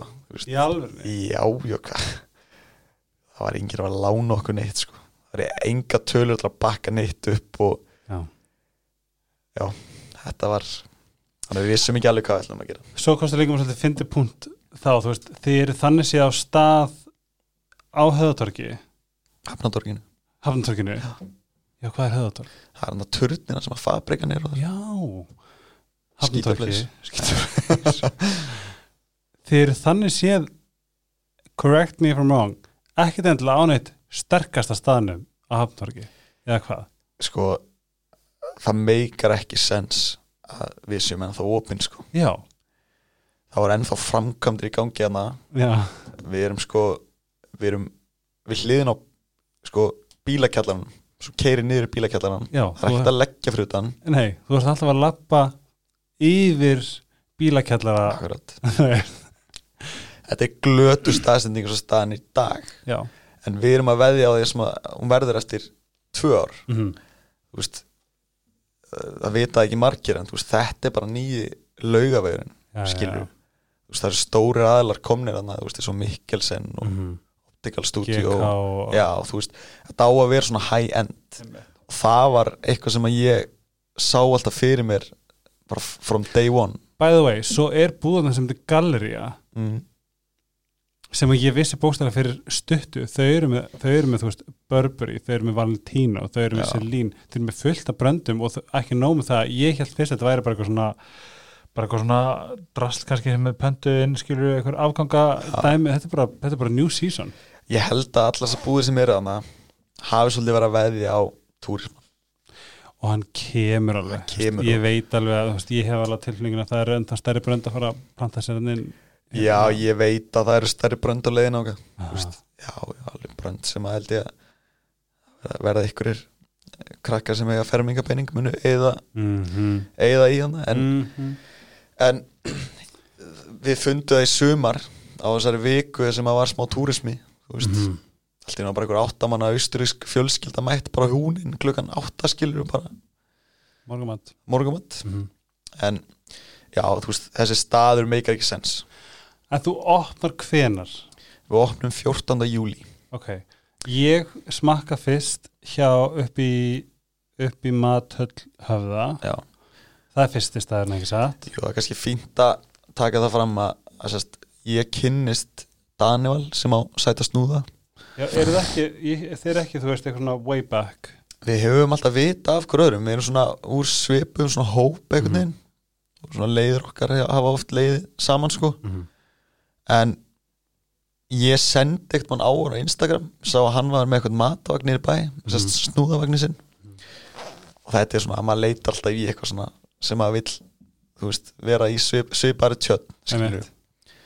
Og ég sendi eitthvað á hann og fæ eitthvað tips hjá hann um eitthvað og svo líður eitthvað tími og hann sendur á mig og spyr bara hvort að þeir gætu mögulega selt skálanar okkar hjá sér Já. og við vorum ekkert fyrst eitthvað alveg til í það og það var eitthvað svona ferli sem tók við eitthvað svona hvernig er best að gera þetta og, og, og allt svo þá, þarna voru enga skálar tilbúnar þannig að sé, það nokkuð Nei, nei það, það var sko ekkert Já. ég var bara ennþá að vinna í málingu þannig skilur Já. Og við ákveðum bara að kýla á þetta mm -hmm. og, og ég sagt tek mér frí í vinnunni til að vera fyrsta daginn Mhm. sem- þegar við byrjum Mhm. og metta líka við stöndum hann og við erum bara allir eitthvað komi, hvað Mhm. það kemur enginn þú veist, við erum alveg hér sko Mhm. svo kom bara fyrsti kunnin og ég er, ég er ekki að íkja Metta var það stressuð og gæti ekki skorinu banana sko. Ég bara, herrið ást mín, ég skal gera þetta hún svo bara, hún titraði sko. Æ, en svo bara kemur þetta skilur svo ertu bara, þú veist, svo byrjar þetta bara að rúlla. Mhm, en svo bara byrja þetta skilur, þú veist, og strákarnir bara tókuðu keflinu og þeir byrja bara að selja fyrir okkur skálanar mhm, fá bara eitthvað próst fyrir. Og, þá byrja bara svona, þú veist, þá byrjar þetta að rúlla hægt og rúlla, mhm, þú veist, þá fer svona, verður eitthvað svona, eitthvað umtal Mhm. svona vördum áð og þetta bara stækkar og stækkar, þú veist, með hverju þú mhm. veist, þá erum við bara svona, ok, þú veist, þetta er Hjá þeim. Já. Og hérna og ég er bókstælega að stelast úr vinnunni alla daga til að fara með skálar upp á höfða. Mhm, og bara heyrðu, það vantar skálar. Bara, shit, bara seldi svona mikið. Og við sáum alltaf, þetta var alltaf meira og meira. Og þá er maður bara svona, ok, þú sko með proof of concept og ertu, Mhm. mm -hmm. þetta gæti alveg orðið eitthvað sko, Proof of concept. Sem er ógstlega svona eftir á Mhm. þegar hlutinni svona falla einhvern veginn svona perfect saman. Veist, það bara, það, þetta var rétta leiðin. Mhm, kostaði okkur ekki neitt í raunni mhm, prófa þetta hjá strákunum. Það gekk upp. Og þá var alveg grundöldu fyrir ykkur meira skilur Og þetta er líka alveg gott ráð. Já, Þú segir skilur, þú veist bara, þú ert sjálfsög búin að taka mjög stór, stór ákvarðinir áður upp á Mhm. að þú veist panta inn og allt þetta. Mhm. en þú veist, þetta er líka bara svona svo mikilvægt, þetta er samme eins og með skarkablínu nokkar, við vorum bara, what? En þú veist, það fórum við mynd bara pínlítlu leðina, skilur við bara pöntum með lítinlegar, tjekkum hvort það virkaði og þetta er samme, þú veist, að ég tengi svo mikið með, þú veist, pöntuna, bara svona, Já. vá er 12 pantana í dag? Já. what the fuck? Þetta er líka svo erfitt þegar þú ert að leggja út fyrir ykkur. Já. þegar þú ert ekki vanuð í að leggja út og sjá peningin koma aftur. -hmm. það er óþægilegasta við það. Mm -hmm. Þegar þú ert bara svona, herðu, hérna er peningur og svo bara, og hvað?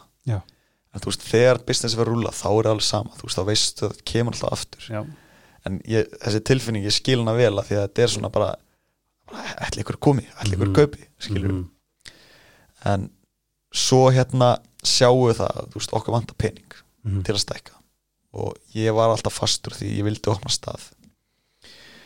Og við kynnumst tveimur aðlum sem að koma með fjármagnin alg... sem ég ætla að hafa samband við.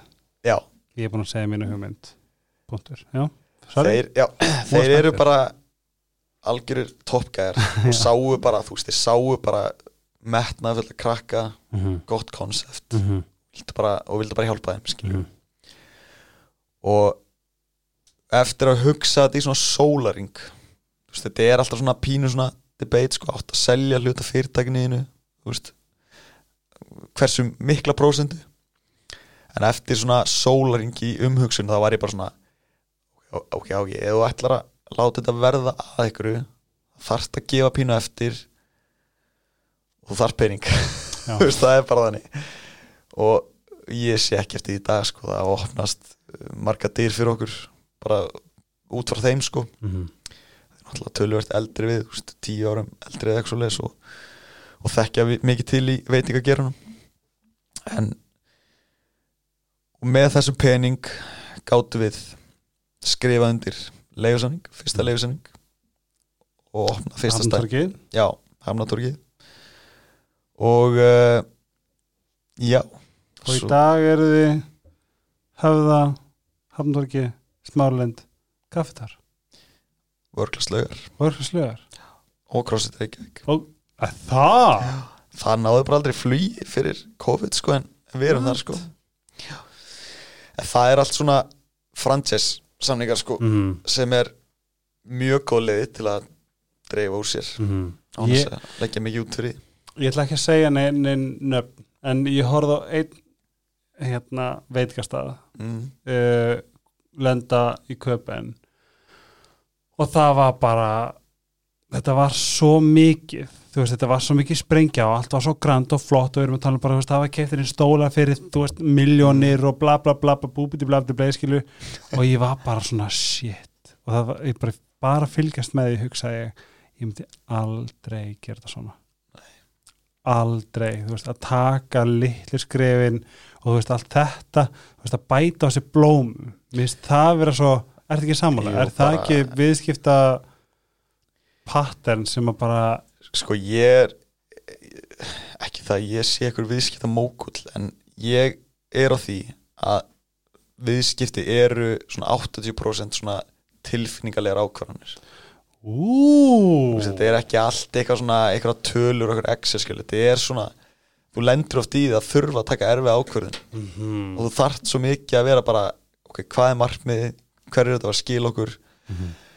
Eins og til dæmis við ákvæðum þegar þessir aðilar komu inn í Maikai að kaupa matarvagn. Já. og sem átt að nýtast okkur þanga til við opnum á hafnatorginu þannig að það væri eitthvað peningur að koma inn Já, að við opnum. Gerðu það? já, og við sem sagt svo er eins og við varum að tala um aðan veist, þegar hlutinir gangi ekki upp svona þegar maður horfður tilbaka þá var þetta besta sem gætt komið fyrir. Já. eins og til dæmis við vorum á hérna einhverjum crossfit leikum í lögadarsöllinni Mhm. það fyrst skipt sem við vorum með vagnin okkar. Og við vorum ekki komið með sko starfsleifi sko kortir í að við byrjuðum sko. Já. ég ætla bara að telja allt upp sem að fór úrskis Mhm. vagnin komst ekki inn í lögadarsöllina við vorum ekki með starfsleifi rafmagnið í vagninum virkaði ekki. Metta fekk sko tauga áfall yfir þessu öllu saman. Þetta var svona fyrsta skipt sem ég sé Mettu fá svona almennlegt tauga áfall í kringum Maikai en svo rettaðist allt. Já. við gátum ekki verið á þeim stað sem við ætlum að vera með vagnin þannig að við þurfum að fara með hann inn, inn hinum einn húsið Mhm. sem var eiginlega bara betra því þá vorum við inn í salnum þar sem að leikandir voru. Já, við vorum bara hlýðin á stúkunni. Þannig að allir sem að voru í stúkunni sá. Komu bara að keftu skál mm. ég held ángis að vagnin hafi borgað sig upp á svona þreymundum sko. Nei, ég er ekki greinast, þetta var bara þetta var sprengja sko. Þú veist, ég var bara hringjandi í vini mín að byrja að koma í krónuna og köpa banana og jarðaber og þú veist, frængina mettu hoppað inn og hjálpa okkur eitthvað að afgreða, þú veist. Og vini mínir voru í afgreðslu líka, þú veist sem er líka svo geggja svona eftir á það er svona Mhm. pínur rómatík í því þegar þú ert bara með vinin og fjölskyldu og allt Mhm. er einhvern veginn bara láta þetta ganga sko og má ég sætt segja eitt líka að þú ferði þetta þú veist, mér finnst alveg vanta stundum ég ætla ekki að ljúga svona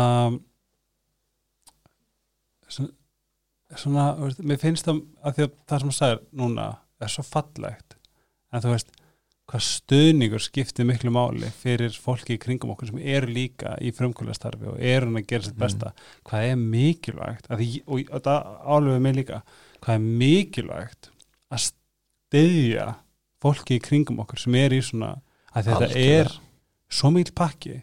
Mm, þú veist, ég finna bara, ég er bara svona, veist, ég er bara svona, fokk, bara öll þessi göld, mm, allir þessi skattur ég er bara, því við erum að gera þetta svo vel og rétt, skilju og harkið, þetta er bara þetta er svo mikill pakki, þannig að það er svo mikilvægt að finna fyrir stöðning frá fólkinni kringu sig þess vegna eins og að tala um skólakerfið þann mm -hmm. að það þarf á ángrís að kenna svona hluti miklu fyrr Mm bara í grunnskóla -hmm. við þurfum á þessu að halda skilur það þarf að búa til eitthvað það þarf að skapa ykkur verðmæti og eitthvað svona Mhm. en eins og til dæmis þetta að öll gjöld og eitthvað þú veist ég get allan að hugsa tilbaka þegar ég var þú veist áttundabekk ég vissi bara hvað Mariland keks ko kostaði í krónunni skilur Mhm. en fólk fattar ekki að það kom einhver með þetta keks Mhm. skilur, það, það þarf eitthvað að standa á vaktin og selja það, það þarf að borga leiguna það, þú veist, að borga laun. Mhm. þú veist, það er svo margir hluti sem að koma að, og pakkin kostaði 98 krónur. Akkurat. Þú veist þetta er það sem við lendum oft í til dæmis, þú veist fólk heldur að við séum bara eigum bara shitload of money mm sem er svo langt frá því að vera rétt af því að við erum bara ennþá í sko, við erum ennþá í svona uppbyngarfasa -hmm. skilur og það þýðir það bara þú veist, þú ég er ennþá, þú veist, ég var að koma á smárlindinni, skilur núna þegar þetta viðtalið tekið, skilur Mm -hmm. þú veist, við erum hann alla daga. Þetta er ekki 8-4 Mhm. og þú og, og ég mun svo kemur heim og ert að auðlýsa, þú ert að taka myndir og bara að posta- hugsa um þetta bara allan daginn, Já. skilur en það skiptir mjög mála því þetta er bara eitthvað sem ég brenn fyrir Mhm. skilur en að því að tala um þetta svo það er svo mikilvægt að hrósa skilur þú veist, ég elska svo mikið þegar einhver sko, kemur til mín og vill fá mitt álit á einhverju skilur eitthvað tengt rekstri. Þú veist, ég bara lenda bara síðast í bara í, bara í síðustu viku. Bara eitthvað aðli sem að ég bjóst aldrei við að myndi vilja koma til mín og, og ræða veist, viðskipti við mig. Það er sem er, það er mér finnst það að vera mesta gullrótin í þessu öll saman að þú veist að vera eitthvað svona inspiration skilur og þó svo að þú veist að mæka sér ekkert orðið það sem að ég er að stefna að því að það verði þá er ég samt komin x langt komin svona kannski yfir erfiðasta þröskuldin sem er að byrja. Og það er svo gott að geta hjálpað fólki sem er í þessum hugleggingum af því veist, ég verið það sjálfur. Þú veist, mér langar bara að segja við svona fólk bara, gerði þetta bara hrindaði bara stað sko. Ég bara, ég, veist, ég veit hvort ég múin að segja það í dag en veist, ég er ekki búið með stúdendin skilur og, og ég finna ég finna svo stert, ég er ekki svona fucking tjóka, bara, ég get allt. Já. ég bókstaf, þetta finnir, mér líður bókstaflega eins og að sé, eh, ok, jú, mér langar að vera samsmið og ég get ekki að vera samsmið en ég get allt. Það er bara rétti hugsunáttin skilur já, leið og túnarið inn á þetta uh -huh. skilur það er það strax komin í of attraction.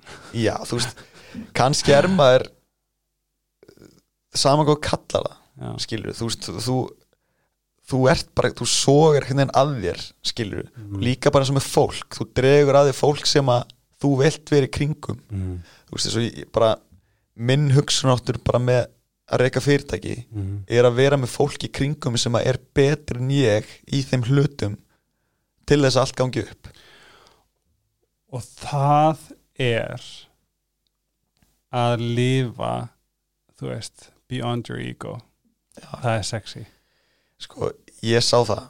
Að Metta er mjög góð að sinna samfélagsmiðlum sem Mhm. er bara stór partur af okkar velgengni mm -hmm. samfélagsmiðlanir svo eru með aðeila inn í fyrirtækinu sem bókaldið sem er bara priceless, skilur og, þú veist, og ég er kannski meiri gæðin sem að tengi þetta saman, skilur Mhm. þú veist, ég sé mig fyrir mér þannig að ég er svona, þú er glúið alltaf að halda á einhverju. Ég Akkurat, held við hefum aldrei heist að þú heldur ekki á einhverju já, ég ég vil svolítið mikið hérna, láta hendur standa fram úr erfum, sko. En, en ég er hérna hvað var þetta? við varum að tala um, þú veist hmm. Uh, já, bara þú veist að bara, ég sagði þarna ég get gert allt. Já, skilur, mér hef, ég, ég hef ég, eins og þegar við hittum þessum daginn ég var, við tengjum alveg þar, Mm. 1500.000 hugmyndir á einu degi. Þú ert bara þreyttur í hausnum það er svona, ég fæ bara svona og svo, en svo sé ég það núna af öllum þessum hugmyndum sem ég fæ og sem ég langar að gera. Veist, áður fyrir var ég bara og sérstaklega bara, þú veist, þegar ég bjóð í veist, það var bara að, þú veist, ég var svo demotiverar og það var ekkert í kringum ég var ekki með neitt þetta svona support system mm. og núna þegar ég er svolítið komin út úr þessu og allt í nýru komið fyrirtæki allt í nýru komið annað fyrirtæki Mm. og allt í nýru fara að gera þriða fyrirtæki Já. allt í nýru með þetta podcast veist, þetta er bara að því ég hugsaði fuck it, ég ætla bara að gera þetta að segja lit, eitt líka mjög fyndið að áðurnu opnum Hamnatorkið mm. þá var ég ég var ángist þar og það er ekki jákvætt en ég var að hugsa, herru opnum Hamnatorkið og reynum bara að lifa af. Mm skilur reynum bara að halda svo opnu. -hmm. en það er ekki réttur hugsunáttur skilur ok, segð mér af hverju. Að því að ég bara þorði ekki að trúa því að ég ætti eitthvað meira skilið heldur en það skilur þú veist, þarna komum aftur þessu imposter syndrom sko mm, af því að ég var alltaf þessi gæi bara eitthvað áki, fótbolta og eitthvað svona veist, Mhm. það var svolítið mitt svona stigma skilu, þú veist, ég var bara eitthvað já, þetta er bara áki Mhm. hann bara gerir þetta þú veist, hann er ekkert í þessu skilu þannig að það er pínu svona trikki að brjóta sig út úr einhverju, einhverju stereotypu sko Mhm.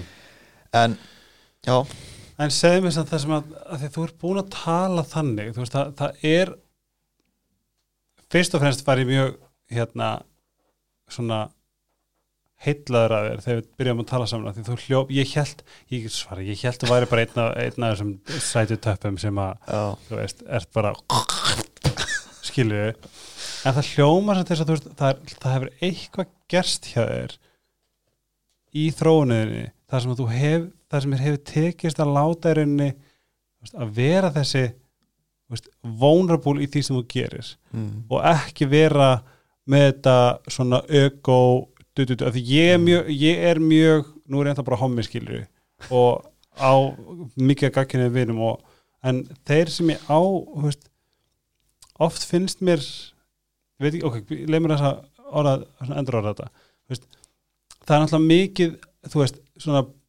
boys will be boys. Mm, veist, það kemur alltaf stórum fótbolta og eitthvað svona. Mm. en þú veist, hvað hefur verið svolítið svona þitt svona þín leið til þess að koma þér inn í bara svona sjálfan þig sem þú en Mhm. ekki gæið þú?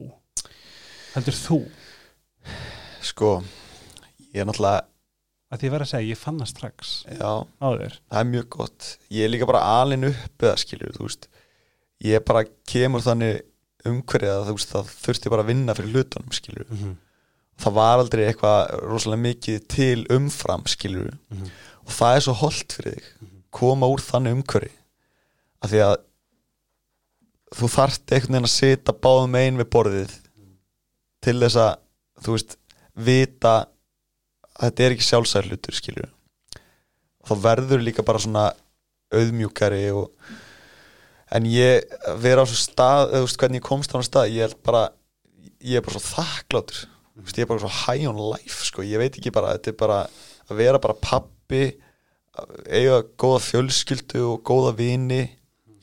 Og það er það sem skiptir máli og svo er hitt bara eitthvað bónus skilur en þú veist, þessi velgengni sem að ég og, og Metta höfum fengið að njóta þú veist það má ekki gleyma því að Viktor Svann er búin að vera óteljandi daga og nætur hjá ömmum sínum eða afa skilur þú veist þessi ég var að segja hann, þetta er ekki 84 ég hef alveg verið að vinna til 1 og mæta aftur daginn eftir kljóðan 6 skilur og það er eitthvað sem að gleymist líka umræðinni og, og fólk sér bara ég er að skera hennu banana, setja hann í skálun og réttir og þú borgar og það, that's it. Þú veist, það sér ekki allt það sem er á bakvið og tíminn sem ég er kannski að fórna líka með sinni mínum. Mm -hmm.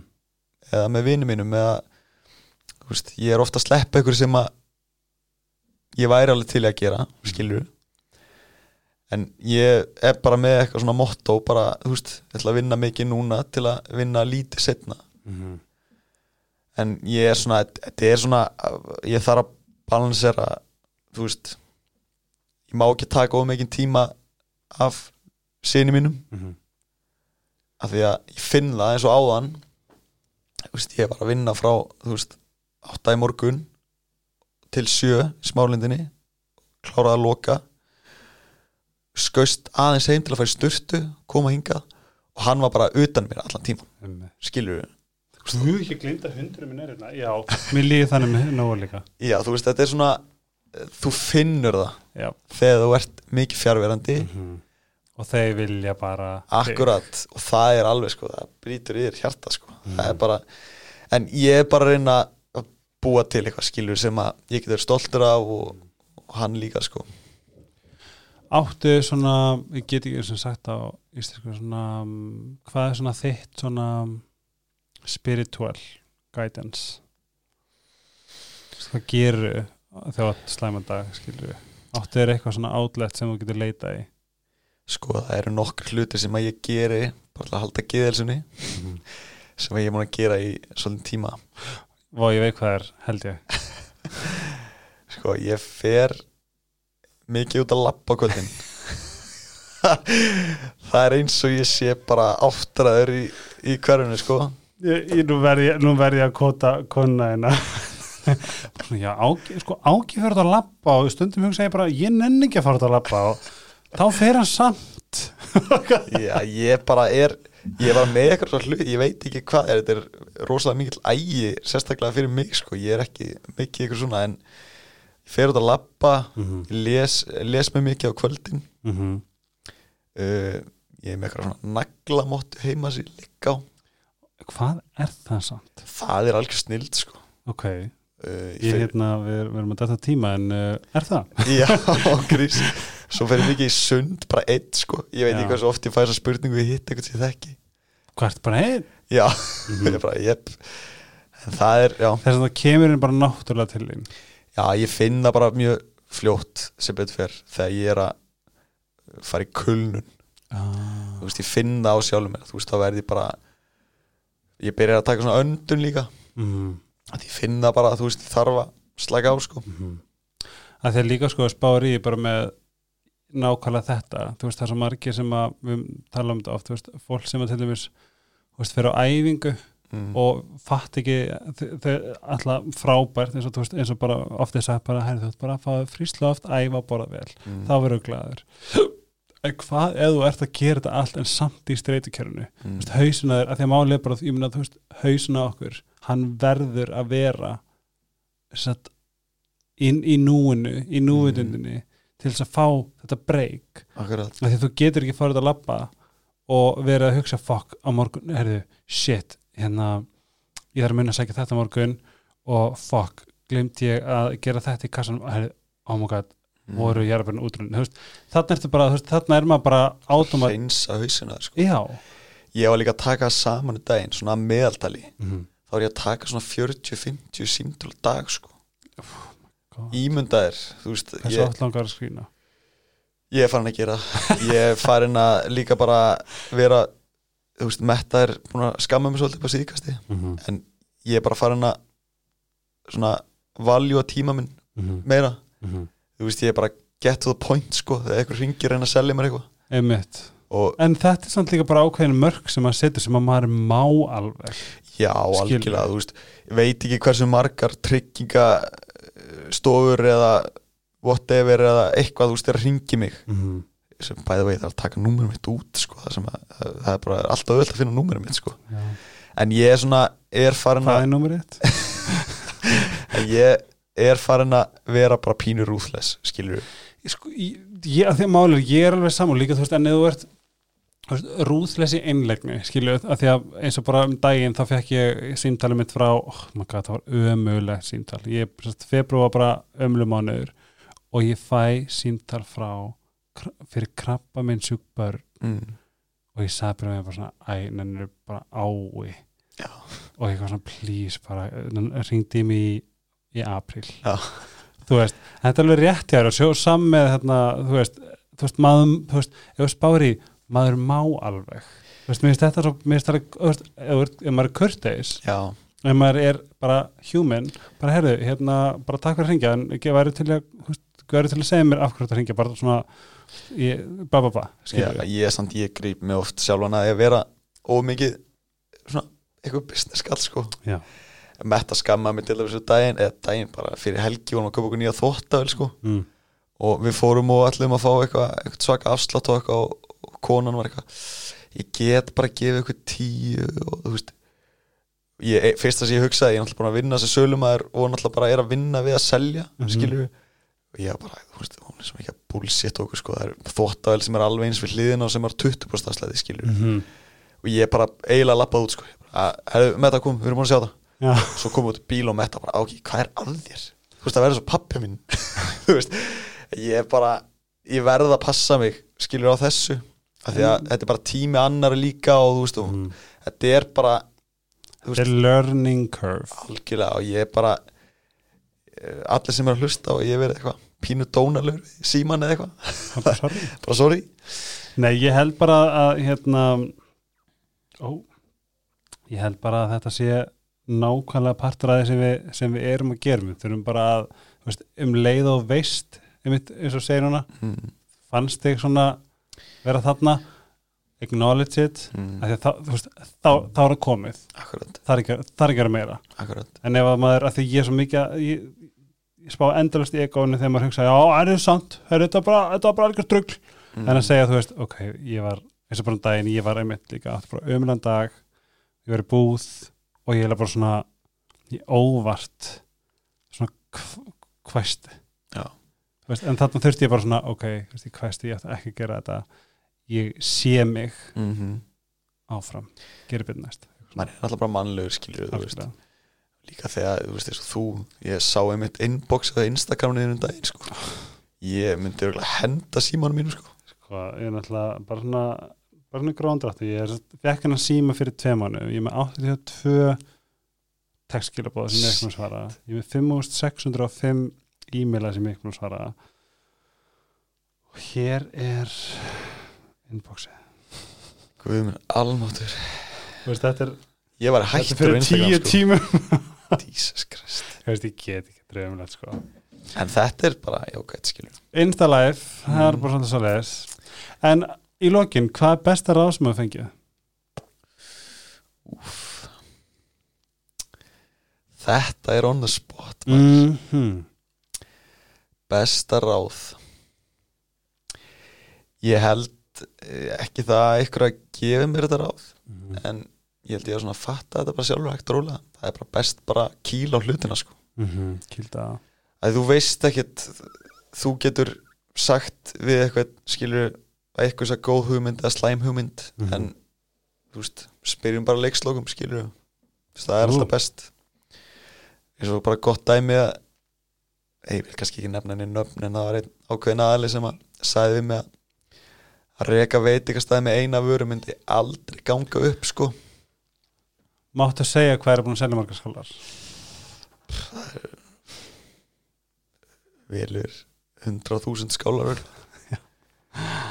og ég er búin að borða cirka þúsunda Nei, þetta er bara búið að vera geggja skilur, og komin inn í Netto og Æsland og einmitt, já þeir eru alltaf með þarna, oh God, það er svo mikið snild skvísu netismjöri, mm, þeir eru samt að fara að setja með hausin ég kaupa alltaf mikið að þessu ég kom með eitt brúsa fyrir því það? Já. Ok, næs. Ég hérna, já, ég fundi líka muslið ykkar mm, í Netto. mm. Krónu, hvað sér? Netto Netto og Æsland Æsland, já. Uh, þú ert alveg sem í einsta típa. ok, Ági, Hals 94 Mækæ Reykjavík. Ef þið, ok, pluss það. Ef þið er ekki búin að smakka Mækæ þá uh, ó, það, alltaf, ég, það er besta skálinn á leiðinni. Ég veit ekki hvernig það gerist sko þú er þetta er allt undir þér komið sko mér finnst mín skál bara langt best. Þau eru konar svo þreytt að mér krakkan er það niðri. Ég er Yes. bara ég með eigin. Ég, sko ég sá samt sko ég er basically búin að þekkja því í svona tvo mánu en við líður sér búin að þekkja því í sko tíu ár. Já, en ég sá það á þér þú komst þannig heim um daginn og þið voru að búið til skálar að prófa eitthvað svona. Já. þá sá ég hvaða sko hvaða karakter þú ert. Það er fullt af hugmyndum. Mm, fullt af góðum hugmyndum margar góðar, margar slæmar. Það er mjög jákvæmt, mjög frjóri hugsun allan. En hérna eitt sem, að, eitt sem ég vil langa að geta spyrja þig. Mm. þegar þú heitir mig fyrst Mm. hvað hugsaður þá? sko ég vissi ég hafði heyrt nafnið þitt sko. Já, uh, og ég hafði ekkert mann séð þarna bransasögur. Já. Það var eina sem ég vissi, þú veist ég vissi ekki neitt sko. Nei. en ég vissi bara að takja flóta myndir og en sem betur fer sem ég er mjög þakkláttur fyrir ég dæmi lengan á henni kynnistónu sko. Ok, ekki heldur, en ég held að vera miklu meiri tappi. Sko þetta var mikill ókostur fyrir mig í gamla daga sko. Að fólk held að vera tappi. Já ég, ég veit ekki, nei ég veit ekki hvað er en en ég kynntist nettu og var on the market þá var þetta aðal sagt, vandamálið að bara fólk held ég væri bara góð með mig sko. Mhm. En ég veit ekki hvað það er sko að ég er bara svo þú ert ljúfur sem lamp sko. Ég, ég er bara, hvort þetta sé bara andlit á mér eitthvað, ég Já. veit ekki. Nei, þetta er það sama, ég hef oft fengið ég hef oft heyrt að sérstaklega verið að lappa bara í smálundin eða eitthvað, ég er með pínu resting bitch face. Já, ég veit ekki hversu oft ég hef heyrt bara svona, æ, vákvært næs? Já ég get Well. alveg tekið undir það sko Við þurfum að fara yfir smá í lokin. Við erum í Nóa Sirius stúdíun í podcastuðinni, gleymum sér alltaf oft. Sorry strákar. Um, Mækæ Reykjavík Ef þið eru ekki búin að smakka Mækæ þá er það að missa miklu. Ég mæli persónulega með Freyju skáli, hún er uppáldum mitt. Og uh, það er að koma mjög skemmtileg skál á uh, matseðil sem að þið skulle líka hlaka til þessi þáttur er í bóði Mækæ rukkuð eftir en uh, svo enn og aftur hjartans þakkir losti.is Sítokær og Dr. Teals Dr. Teals er baðsalt og freyðibað sem er 100% möst ef átt baðkar, Sítokær er með áslagkóð hjá mér sem er helgarspellið, það er svona endilega farið inn og skoðið, það eru mjög mikið að spennenda nýjungum á leiðin, þess að fylgist mjög vel með, sem betur fyrir er að koma ekstra margir þættir í mars. Þess að það verður nóg um uh, upplýsingar og losti. Ef þið eru, ef ykkur vantar eitthvað smá kritik, kynlífið en setnherbyggið, þá myndi ég bomba mér á losti.is og skoða úrvalið því það er tölvört meira en ég hefði nokt um að gruna Ági, kæri vinnur, hjartanstakki fyrir að koma. Takk fyrir að bjóða mér. Þú ert frábær og uh, þú, þú og konaðin eru mm, Ég verði að fá að koma eitthvað aftur og við erum bara að tala um bara um stjörnur og gemverur og Ég var einmitt að hugsa, við glimtum eiginlega öllu því sem að við þetta fórum mjög langt síðast. Já, en þú ert alltaf velkomin bara þess að ég bara þú ert fórlega uh, bóðin í Vol 2 geggjað Kæri vinir, takk fyrir að hlusta og heyrumst aftur fljótlega. Hafa það gott, verið góð hvert annað. Bless, ástu kærleikur. Bye!